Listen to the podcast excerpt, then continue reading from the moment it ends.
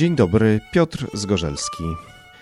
Taniec o metrum parzystym w rytmie na dwie czwarte, o tempie powolnym i charakterze sentymentalno-nastrojowym rodem z Ameryki Południowej. W latach dwudziestych XX wieku podniesiony z melodii popularnej do rangi sztuki muzycznej. Któż o nim nie słyszał? Chyba wszyscy. Mowa oczywiście o tangu.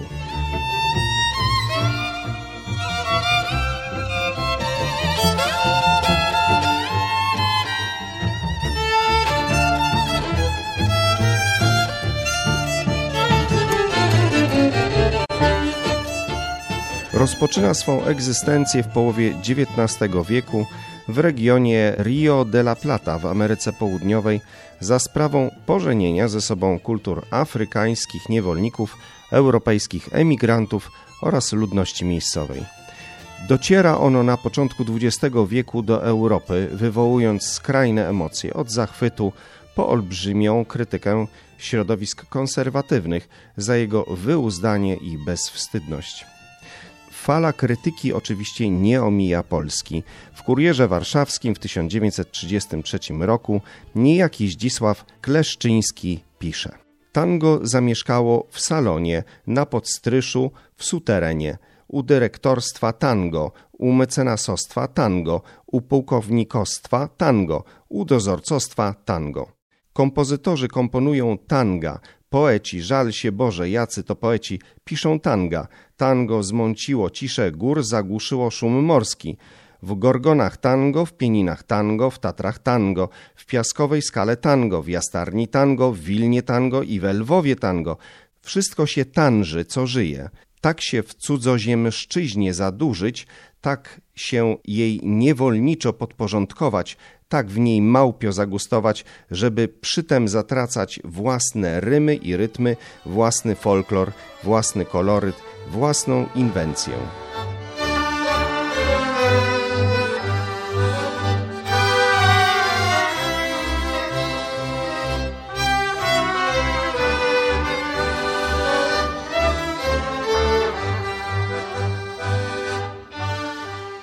Powszechnie uważa się, że wprowadził tango do Polski Edward Kuryło w 1913 roku na scenę operetkową Teatru Nowości.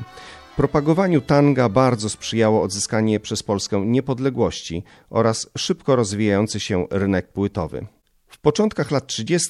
polskie tango stawało się coraz bardziej niezależne od kompozycji spoza kraju.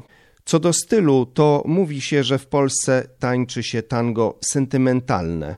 Jest to inny styl niż w jego ojczyźnie. Znawca tematu profesor Marian Wieczysty, autor książki Tańczyć może każdy, mówi: Tańczono go u nas z kocią zgrabnością i dramatyczną prostotą. Styl tańczenia tanga sentymentalnego był bardzo dowolny.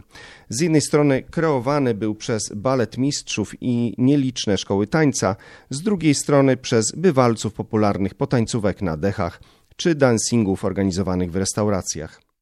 Po części wpływ na taki sposób tańczenia tanga wywierali m.in. kompozytorzy wywodzący się z muzyków zatrudnionych w nocnych lokalach – Komponowali oni melodie tanga odznaczające się sentymentalnością i płaczliwością, które odpowiadały upodobaniom rzewnie nastrojonych bywalców nocnych lokali.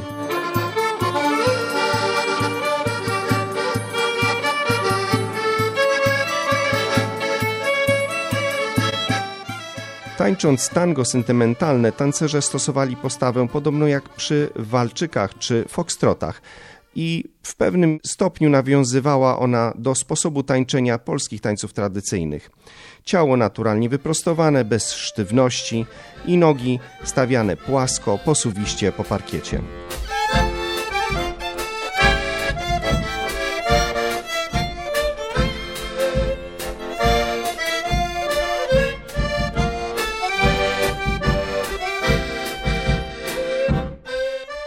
Z moich obserwacji wynika, że tańczono tango na trzy sposoby. Pierwszy z nich potocznie był nazywany naraz, czyli krok w takcie, naraz. Drugi sposób potocznie nazywany dwa naraz, czyli dwa długie kroki i dwa krótkie. Rozliczylibyśmy to w ten sposób: długi, długi, krótki, krótki, długi, długi, krótki, krótki. Trzeci natomiast sposób to trzy długie kroki i dwa krótkie. Długi, długi, długi, krótki, krótki, długi, długi, długi, krótki, krótki.